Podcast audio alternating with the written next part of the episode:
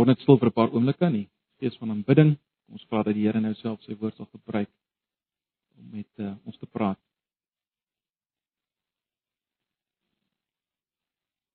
Ag Here, wonderlik was dit om U nou te aanbid met ons sang. Want U is waardig en ons weet dis ten diepste waarvoor ons gemaak is om U groot te maak, U op te lig. Dis wat ons tot in alle ewigheid sal doen. Ons sal nooit moeg word daarvoor nie. Want ons wil net meer en meer van U wonderlikheid en U heerlikheid ontdek sodat ons U sal wil aanbid. Dis wat ons in hierdie oggend wil doen ook nou as ons na u woord gaan luister. Ons vra dat u ons harte sal beweeg tot aanbidding van u. Asseblief, Here.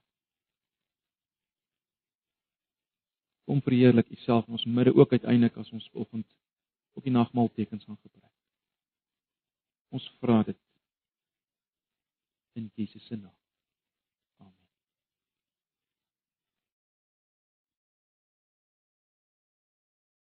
Ja broers en susters, ons is uh, klaar met ons inleiding van Hebreërs. So kom ons bly na Hebreërs hoofstuk 1. Baie bekende gedeelte. Ons het al ons het al heelwat hieroor gepreek, so waarskynlik gaan niks vreeslik nuut wees vir julle nie.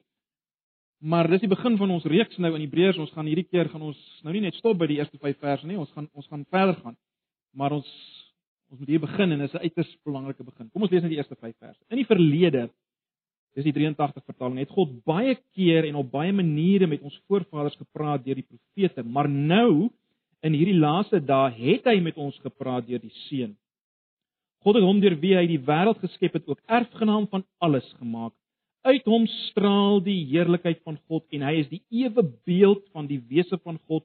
Hy hou alle dinge deur sy magswoord in stand. Nadat hy die reiniging van sondes bewerkstellig het, het hy gaan sit aan die regterhand van die majesteit in die hemel. Hy is net so verhewe bo die engele as wat die naam wat God hom gegee het voortreffliker is as hulle naam. Immers aan wie van die engele het God ooit gesê jy is my seun, vandag het ek jou vader geword en ook ek sal sy vader wees en hy sal my seun wees.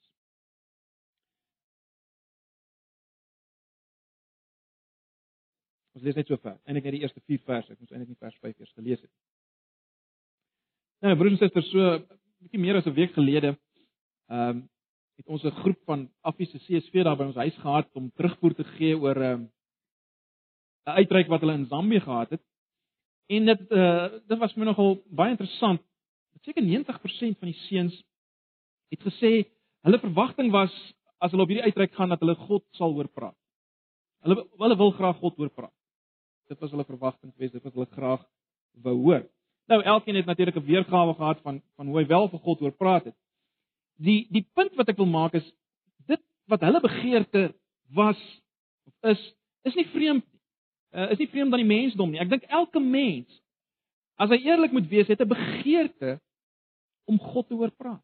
As daar 'n God is vir sommige, as daar 'n God is, wil ek hoor wat hy wat wat sê hy? Wat het hy te sê? Wat sê hy van die wêreld?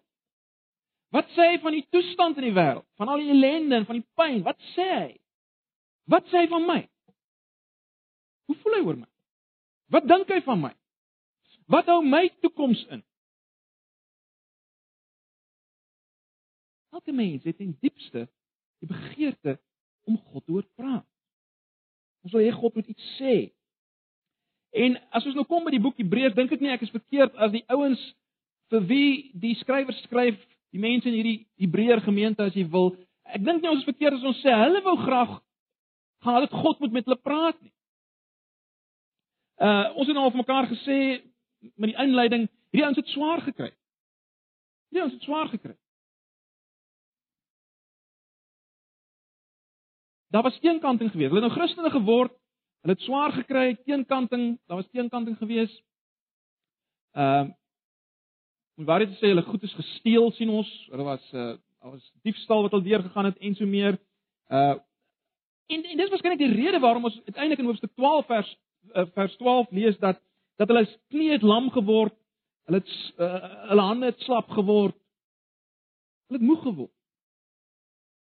Jy mens kan jou voorstel in hulle harte was die was die op was die was die was die was die vraag gewees, wat sê God van alles? Wat sê God van alles?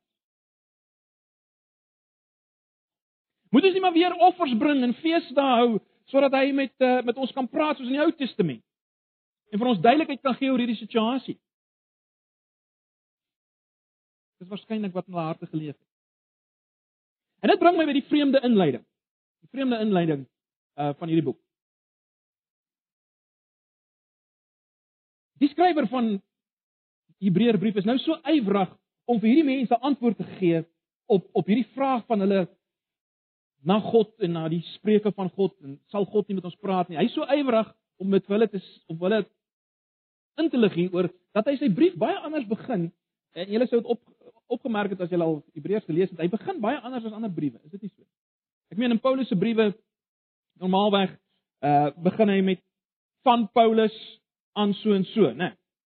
Dan oor wie is die skrywer, vir wie skryf hy en dan gewoonlik genade en vrede en so meer. Hierdie brief begin aan. Hierdie brief begin aan. En uh waarskynlik omdat dit wat die die skrywer wil sê so geweldig belangrik is. Hy val sommer net weg, né? Nee. Hy val weg met wat hy glo hierdie mense moet nou hoor. En hy skryf onder leiding van die Gees en daarom dink ek kan ons mekaar sê verseker is dit wat God wil hê ons moet hoor. Dit is wat God wil hê ons moet vanoggend hoor. En die eerste ding wat die skrywer sê is dit God het gepraat. God het gepraat. Dis die basiese vertrekpunt. Dis die basiese vertrekpunt. God het gepraat. Dis die basiese vertrekpunt van die brief, broers en susters. Meer nog, dis die basiese grondslag van die Christelike geloof. Dis wat ons hier in in die eerste vers. As dit nie so was nie. As dit nie so was nie, was daar geen verskil tussen ons en die ouens wat vanoggend voor houtbeelde buig in hoop beelde gaan dalk antwoord iets sê nie. Daar was ons niks beter nie. God het gepraat. En daarom is daar so iets soos soos die evangelie. Daarom is daar so iets soos die kerk van Jesus Christus. Omdat God gepraat het.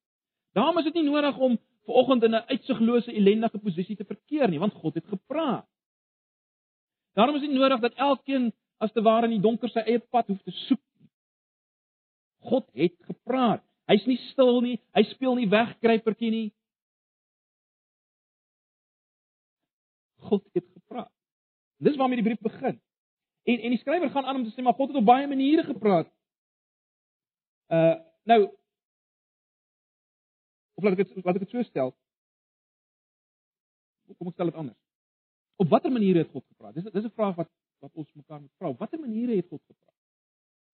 Skrywer sê nou God het gepraat. Op watter maniere het hy gepraat? Wel, natuurlik baie belangrik, God praat in die natuur. Die sogenaamde algemene, ons gebruik dit in die teologie die term die algemene openbaring van God. God praat in die natuur natuurlik. Maar hier gaan dit oor iets anders.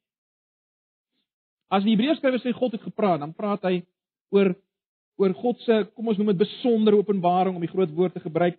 Ons praat van God se direkte praat met mense, se direkte spreuke tot die mens. En wat die skrywer hier sê, God het duidelik in twee fases gepraat. Twee fases. Hy het in die verlede gepraat en hy het nou gepraat nou in die laaste dae soos hy dit noem. So daar's duidelik twee fases. Nou skematies, dit dit wat die skrywer hier sê, kan ons skematies so voorstel, né? Nee. In die verlede en in hierdie laaste dae, dis sy kommunikasie. Die ontvangers is ons voorvaders en ons Dis die agente wel, het eers deur die profete gepraat, nou praat hy deur sy seun. Hy het op verskillende maniere gepraat in die verlede, nou praat die implikasie is hy nou op een manier gepraat. Ek sê dit nie eksplisiet nie, maar dit word geïmpliseer, né? Nee. Hy het nou op een manier gepraat deur sy seun. Kom ons kyk 'n bietjie na God se praat in die verlede. Kom ons kyk na God se praat in die verlede.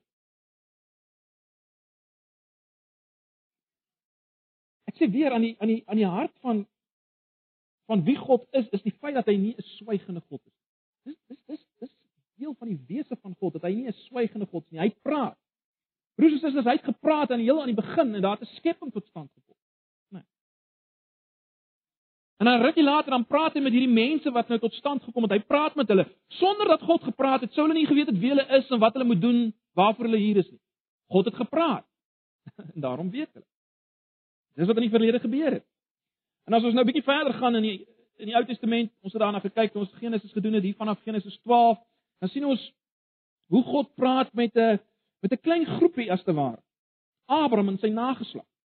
Net so terloops hoor, Abraham word uh, sou julle onthou dan in Genesis noem God hom ook 'n profeet, net so net so terloops. Maar hoe dit ook al sê, God praat hoofsaaklik met Abraham en sy nageslag, 'n klein groepie, nou en dan spoel dit oor na die heidene, maar maar tot 'n groot mate was die res van die mensdom in die duisternis wat betref God se praat. Sy direkte spreek. Daar was die algemene openbaring, ja, maar wat sy direkte uh, praat betref, spreuke betref, was die was die res van die mensdom eintlik nie duister. God het gepraat met hierdie klein groepie. En hy het op 'n verskeidenheid maniere gepraat. Sê die skrywer. Hy het op hy het op baie maniere gepraat. Met en deur die profete. Daar's drome gewees, daar was engele gewees, daar was 'n brandende bos gewees waarna ons gekyk het. Daar was op die berg Sinaï God wat gepraat het en so kan ons aangaan. En God het aanhou praat, al duideliker en helderder kan mens amper sê. Maar alles was in 'n sin nog voorlopig geweest, né? Nee, dit was voorlopig. Uh uit uit in 'n sekere sin veral gepraat in die vorm van 'n belofte wat van dit wat nog moes gebeur. Dit was nog nie sy volledige boodskap en daar moes nog iets gebeur. So dis sy praat in die verlede. Skrywer sê hy het in die verlede baie kere baie maniere gepraat. Dis sy sy praat in die verlede. Kom ons kom ons dink 'n bietjie oor God se praat in die hede. Wat sê die skrywer daaroor? Die skrywer sê in hierdie laaste dae het die het die finale woord van God gekom. Met 'n hoofletter, woord nie met 'n hoofletter. Het nou gekom in die finale dae. Nou net so terloops, as julle weet dit maar ek ek, ek net terwille van van van duidelikheid en dat ons almal by is uh ons het baie mekaar gesê nê nee, as die Bybel as die Nuwe Testament praat van die laaste dae praat dit nie net van die die stukkie voor Jesus se wederkoms nie. Die laaste dae verwys na die hele tydperk van Jesus se eerste koms tot sy wederkoms. Dis die laaste dae. Dis die dae waarin die die die lesers van die eerste die eerste lesers van die Hebreërbrief geleef het. Dis die dae waarin ek en jy leef. Ons leef in die laaste dae. En hulle het in die laaste dae geleef. Alraai. So die skrywer kom en hy sê in die laaste dae het die finale woord van God woord met 'n hoofletter. In ander woorde, ek kan amper sê die die verf geluid Die verf geluid van hierdie belofte het al harder en harder en duideliker geword en dan gaan dit oor in vervulling. Amper soos 'n trein wat jy van ver af hoor. Al harder. Al harder na. Die dowwe gedreun deur die eeue, God wat op baie maniere praat, het ewe skielik oorgegaan in in die volle openbaar. Die laaste woord Nou is daar nie meer menslike tussengangers nie. Die seun van God self Geweldig. Daar's nie meer baie woorde nie, daar's een woord. Baie belangrik, is nie totaal iets niets wat God sê nie. Uh maar dis die finale, dis die toppunt van alles wat hy sê. Dis die finale gestalte van wat hy sê. Wat sê God? Wat sê God? Kom ons dink daaroor. Wat sê God in hierdie laaste woord van hom in die hede? Wat sê hy? Wel, die skrywer sê God praat deur Jesus.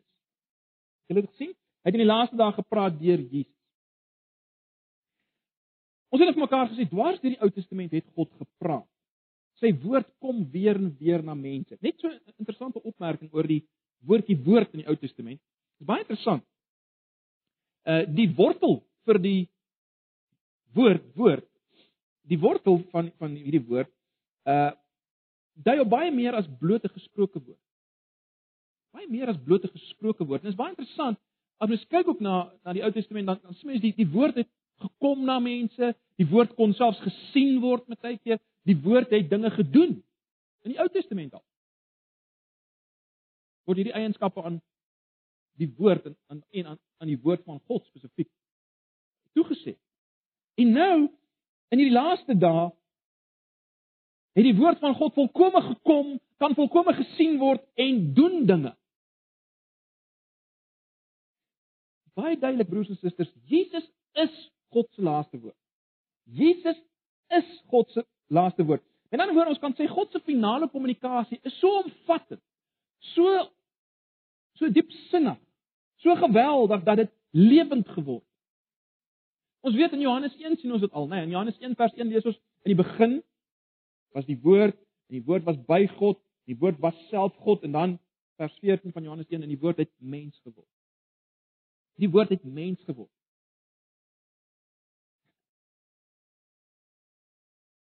Dis die dis die grootste ding wat kan gebeur met 'n woord.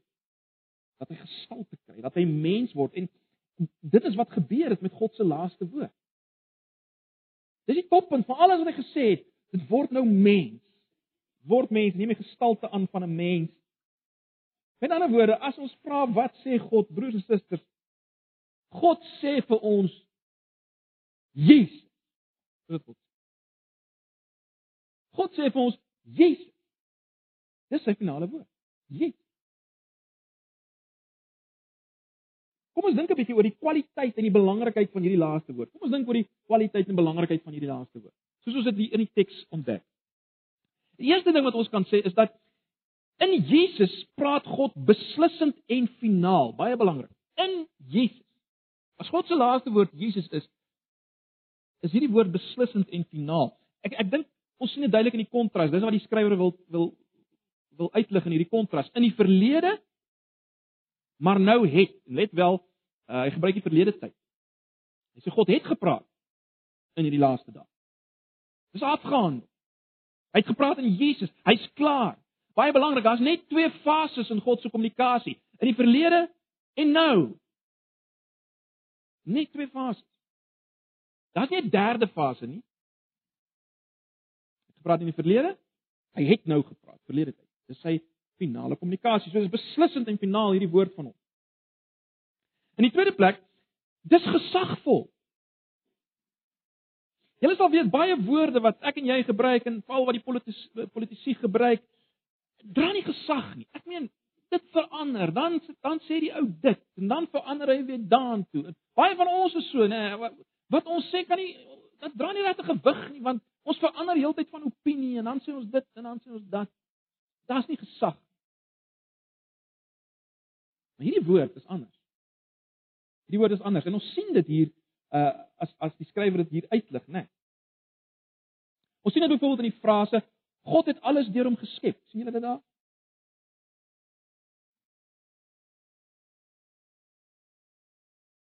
God het alles deur hom geskep, hy het die wêreld deur hom geskep. Hy het hom erfgenaam gemaak van alles.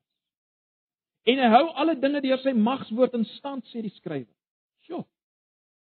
God het deur hom alles geskep. Hy is die erfgenaam van alles. Hy hou alle dinge deur sy magswoord in stand. Dis hierdie woord. Die kwaliteit van hierdie woord. Ons sien dit ook uit die frase hy sit aan die regterhand nou van God. Hy sit aan die regterhand van God. Uh, ons het dit al genoem uh in die Ou Testamentiese wêreld veral as jy aan die regterhand van 'n koning gesit het dan sê dit jy het al die uitvoerende gesag, mag. Jesus gaan sit aan die regterhand van God uit alle uitvoerende gesag en mag. Hierdie woord het alle uitvoerende gesag of mag. Broers en susters, dink bietjie daaraan. Hierdie woord die persoon Jesus was die een wat werksaam was toe God gesê het laat daar wees in Genesis, laat daar lig wees. Laat daar wees, laat daar wees. Hierdie woord kan tot stand bring dit waarvoor dit geuiter word. Is dit nie die groot begeerte wat ek en jy het nie dat ons woorde sal tot stand bring dit waarvoor ons dit uiter? Jy praat met jou kinders oor gehoorsaamheid of oor iets en jy wil graag dit sien tot stand kom. Dit wil gebeur het. Maar hierdie woord, hierdie laaste woord van God, wel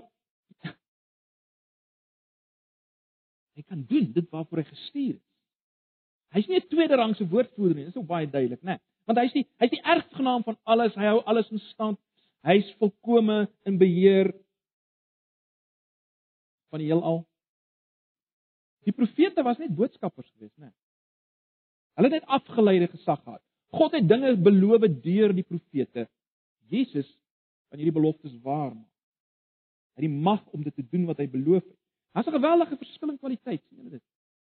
Die verskil tussen 'n bediende en 'n eienaar. As jy nou die twee wil vergelyk, dis nie profete en Jesus. Die verskil. Tussen dit wat God in die verlede gesê het en nou. Daar's 'n geweldige verskil. Hy onderhou alles, sê die skrywer hier. Uh ons het dit al baie vir mekaar gesê, elke atoom en elke kwark in die atome word deur hom in stand gehou. Die punt is hierdie woord dra gewig. Jy kan hierdie woord vat. Jy sal simpel wees as jy nie hierdie woord vat nie, hierdie laaste woord nie.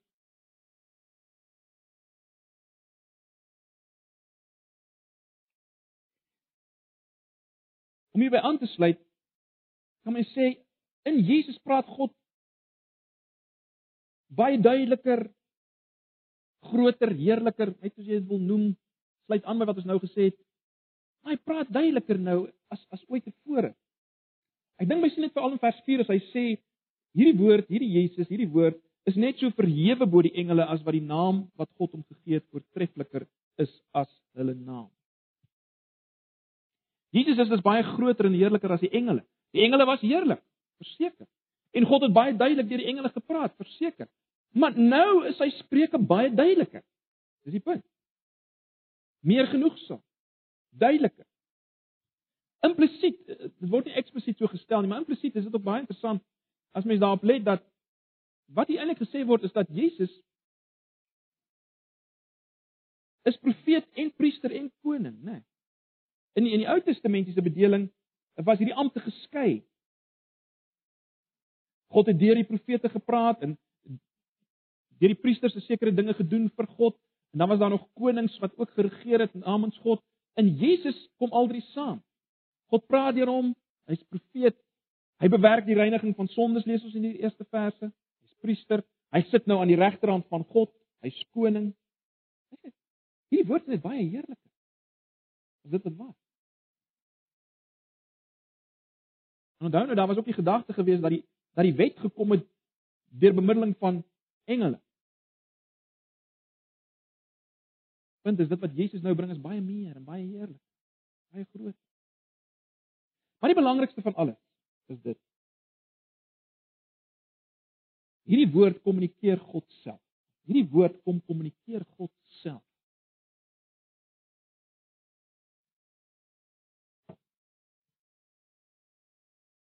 Ons weet almal daar's iets soos praat en praat, né? Nee. Daar's ehm um, oppervlakkige praat. Ongelukkig in ons tyd raak dit al meer oppervlakkig met die met SMS'e en WhatsApps en al die goeters. Ons kommunikasie is maar baie vlak en oppervlakkig. Dis een manier van praat. Maar dan is daar dieper kommunikasie. Kommunikasie waar jy iets van jouself sê. Wie jy is, kommunikeer jy. Jou emosies kommunikeer. Jou diepste wese kommunikeer. Wat jy voel, wat jy dink. Dis diep kommunikasie. En die punt hier is is Jesus is sulke kommunikasie van God. Hy kommunikeer God self. Ons sien dit as die skrywer sê, uit hom straal die heerlikheid van God en hy is die ewe beeld van die wese van God. Dis soos die 83 vertaling dit vertaal. Vers 3. sien julle dit? Uit hom straal die heerlikheid van God en hy is die ewe beeld van die wese van God. Die 1953 vertaling vertaal dit so eh, dit eh, hy daar staan hy wat die afskynsel is van sy heerlikheid en die afdruksel van sy wese. Dis die 53 vertaling die meer letterlike een. Hy's die afskynsel van God se heerlikheid, die afdruksel van sy wese.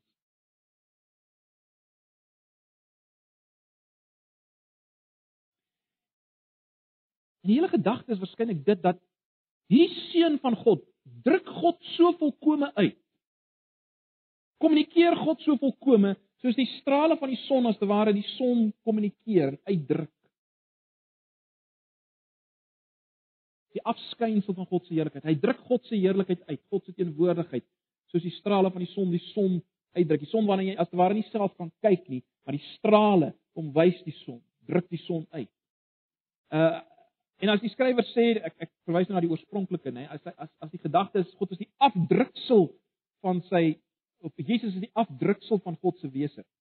Die agtergrond hiervan is natuurlik die die die sogenaamde seël wat die keisers in daai tyd gehad het uh met 'n beeld van homself wat wat hy gedruk het op sy dokumente. Afdruksel, presiese afdruksel van hoe hy lyk.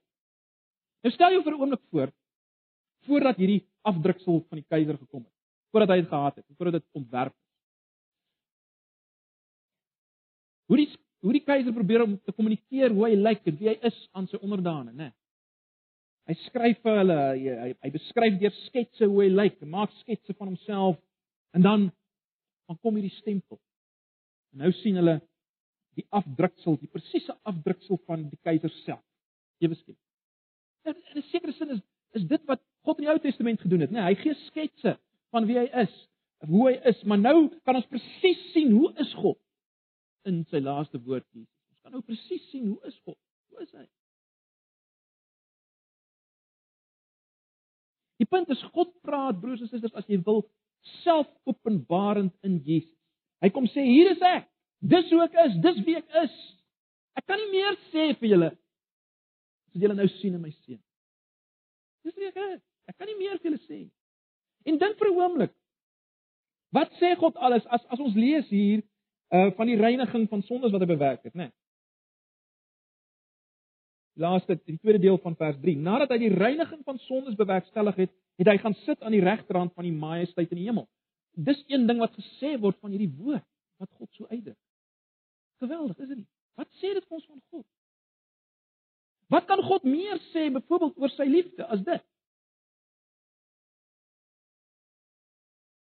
Dat hy ons reine die reiniging van ons sondes bewerk het en ons weet hoe hy dit bewerk deur die kruis toe. Wat kan God meer sê oor sy van sy liefde as dit wat ons sien in wat Jesus doen aan die kruis? Wat kan God meer sê oor hoe hy oor sonde voel as sy seun verbrysel moet word om te betaal vir sonde? Wat kan hy meer vir ons sê hoe hy oor sonde voel? Wat kan hy meer sê oor sy heiligheid? Wat kan hy meer sê oor sy regverdigheid? Deurdat hy sonde straf. Regverdig Maar terselfdertyd bou hy sy liefde as die seun verbrysel word. Wat kan God meer sê oor hoe hy is? En as hy sit aan die regterhand van God, wat kan God meer sê oor die toekoms? En waarna toe alles op pad is? As hy Jesus verhoog het, dan sê hy dis waarna ons op pad is. Dan sê hy hy wil vir ons wees. Hy wil alles herstel. Wat sê God oor oor oor hoe hy voel oor swaar kry en lyding? As dit wat ons sien in Jesus aan die kruis dat hy verstaan ons lyding. Hy's daar, maar hy wil 'n einde bring aan lyding. Dis waarvoor Jesus gesterf het. So so kan ons aangaan, broers en susters. Dink daaroor. God se kommunikasie in Jesus is ontsaglik omvattend. En is ontsaglike goeie nuus. Dis absolute goeie nuus vir die wêreld. Dit wat God sê in sy laaste woord, wat die wêreld moet hoor, is goeie nuus. Sy laaste woord is goeie nuus vir 'n verwarde mensdom.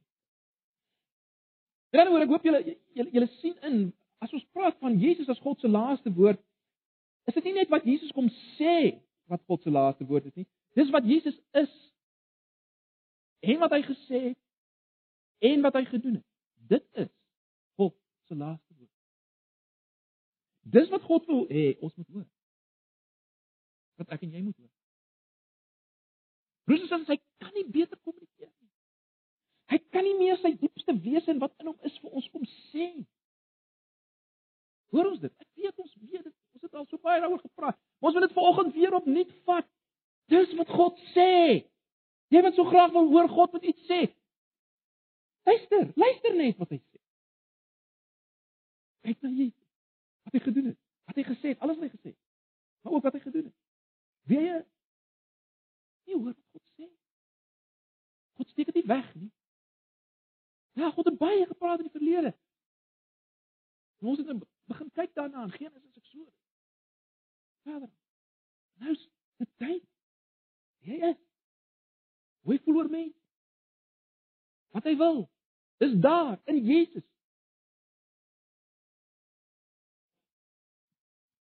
Natuurlik is daar implikasies, né? Nee.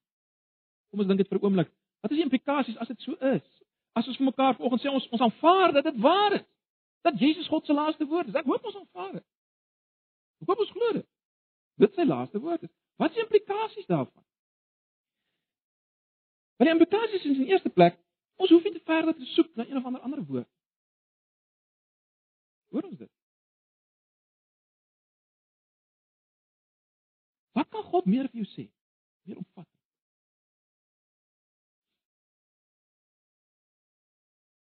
In enige situasie waarin jy jouself mag bevind. Wat kan hy meer vir jou sê as wat hy sê vir jou sê in Jesus? So dis die eerste eerste implikasie. Ons hoef nie verder te soek nie. Hy het gekommunikeer.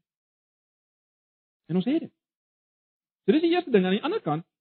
In die tweede plek, as dit God se laaste finale kommunikasie is, is, is, is die implikasie geweldig, né? Nee. Want dan beteken dit ons moet vashou aan hierdie laaste woord. Ons moet volhard in dit wat hierdie laaste woord sê en kommunikeer. En dan vas ons dan volhard om dit meer prakties te maak. As jy jou ore vanoggend toedruk vir God se laaste boodskap van Jesus wat hy kom doen het, wat dit vir, vir ons sê van sonde en hoe hy oor sonde voel, maar wat hy kom doen het, die enigste manier om verlos te word en so meer. As jy jou ore toedruk daarvoor, God gaan niks anders vir jou sê. Hy gaan nie hy gaan op 'n ander manier met jou praat. Hy gaan nie iets anders vir jou sê nie. As jy nie daarna luister en jy geen hoop nie.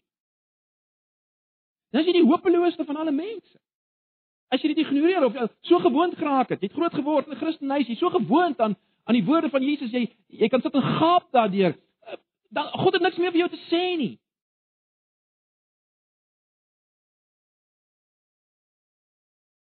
En as jy alternatiewe oorweeg, alternatiewe woorde, dis in 'n sekere sin wat die eerste lesers in Hebreërs oorweeg het, hulle wou weer teruggaan na die Judaïsme toe.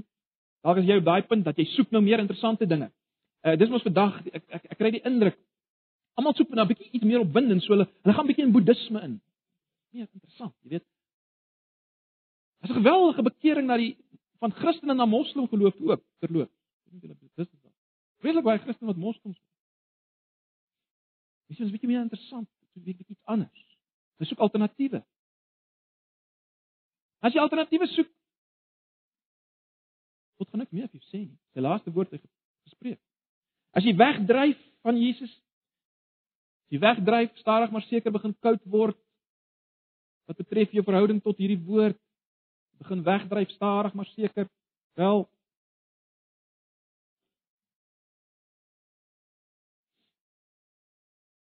Jy verbeer God se genade.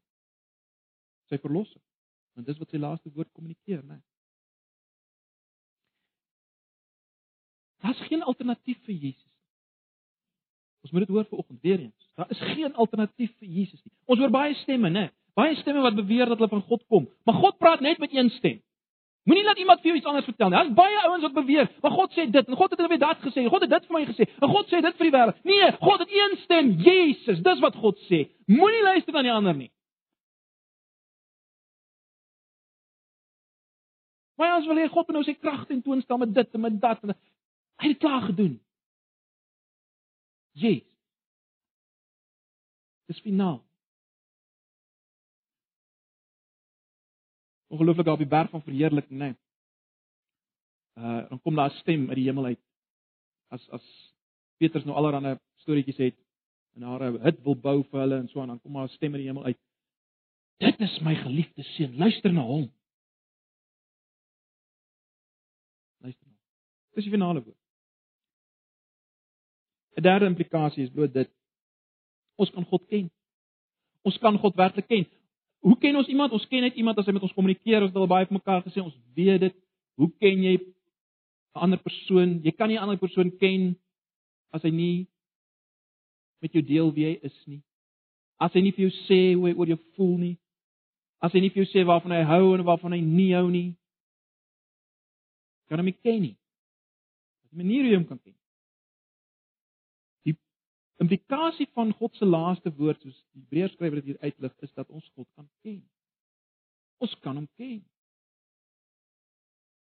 Ons hoef ons nie meer te verlaat op alle of op enige mensgemaakte projeksie of vermoedens of verbeeldingsvlugte nie. Daar's so baie daarvan in ons tyd. Nee, God het homself bekend gemaak. Hy sê hier is ek. Dis wie ek is. Jesus. Dis wie ek is. So so ons hoef nie ons hoef ons nie te verlaat op al hierdie projeksies en vermoedens van mense, al die verbeeldingsvlugte. Ag broers en susters, kom ons sluit af.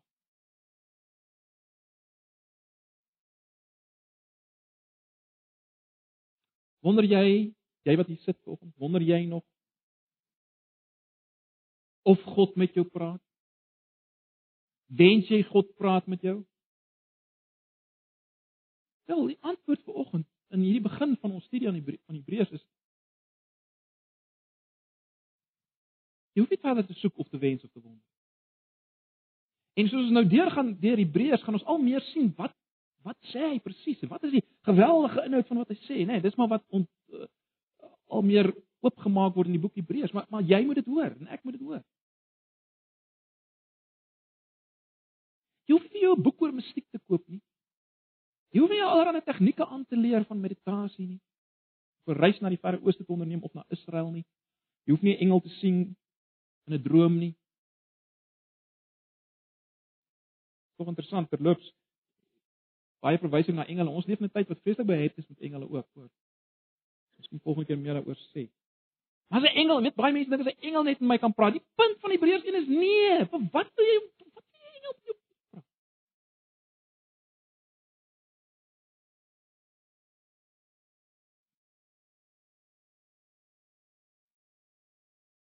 Weet nou baie boeke is daar oor engele maar? Dit is verskriklik baie. Die punt volgende is dit. Ek en jy broers en susters kan maar net die Bybel op ons skoot oopmaak. Ja, selfs die Ou Testament onthou, loop uit op hierdie finale woord. Hy is die samevatting daarvan, hy is die inhoud daarvan. Jesus gaan so ver om in Johannes 5 te sê, alles wat geskryf is, gaan oor my, in Johannes 5. Oor my, ja. Alles wat Moses geskryf het, gaan oor my. Ons kan maar net hierdie die boek wat in ons in ons hande het. God se laaste woord is daarin. Alles wat Jesus gesê het en wat hy gedoen het, wat God vir jou sê. Vat dit net. Vat dit op. Vat dit op.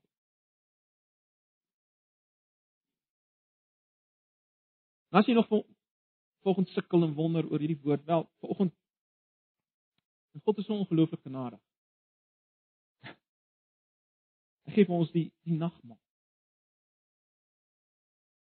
As 'n sigbare teken van sy woord. En in 'n sekere sin, luister mooi broers en susters, in 'n sekere sin Jesus is so ongelooflik. Hy kom na ons toe nie net intellektueel nie. Ja, is 'n groot deel daarvan. Weet julle wat? Hy kom ook ver oggend na ons toe. Die laaste woord, Jesus kom na ons toe ver oggend tasbaar, sigbaar. Kan selfs ryk voel proe. So kom hy ver oggend na ons. So as jy sukkel om te glo om te, hierdie laaste woord te vat, Laat toe vir oggend dat hy met jou praat. Kyk na jou broers en susters rondom jou. sien wat God in hulle lewens gedoen het. Dis 'n verder bewys God het gepraat. Elke broer en suster van jou wat werklik aan die Here behoort vir oggend en wat hier saam met jou die nagmaal gaan vier, bewys God het gepraat. God het gepraat. En ons gaan nou dit vier as te ware as ons die nagmaal gebruik. Ons verbly daarin met sy laaste woord. Kom ons bid saam voor ons aan die nagmaaltafel aansit. Here baie dankie vir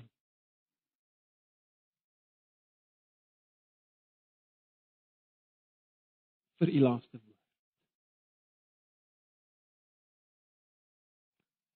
Here, ons moet erken, ek self moet vanoggend maar net weer eens erken en bely dat ons Miskien intellektueel weet dit wat ons vanoggend gesê het, wat ons vanoggend mekaar gesê het, maar tog beer ons maar altyd weer weg daar en ons soek na iets anders. Ek wil bid en ek bid dit vir myself en vir elkeen van my broers en susters hier. Here, dat ons vanoggend maar net weer opnuut die woord sal vat wat U gespreek het, Jesus.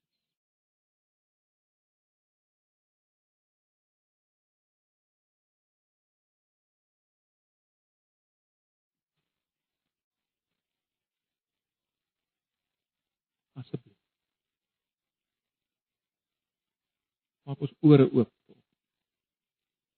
Maak ons oë oop. Jy die woord kan sien. Kan hoor. En ook nou kan se ware proef. Beleef. Ag Here, dankie dat U laaste woord is so so vol. So heerlik. So ongelooflik. asseblief. Kom ontmoet ons ook nou. As ons hierdie tekens gaan gebruik. Versterk geloof waar dit nodig is om geloof te versterk.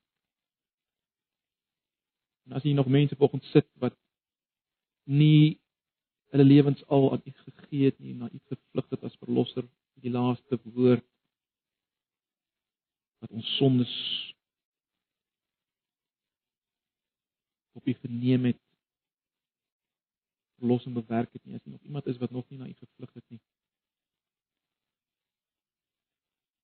dryf hulle na U toe in hierdie oggend. Asseblief. Maak hulle ore oop om te hoor wat U sê. In Jesus. Ons vra dit in U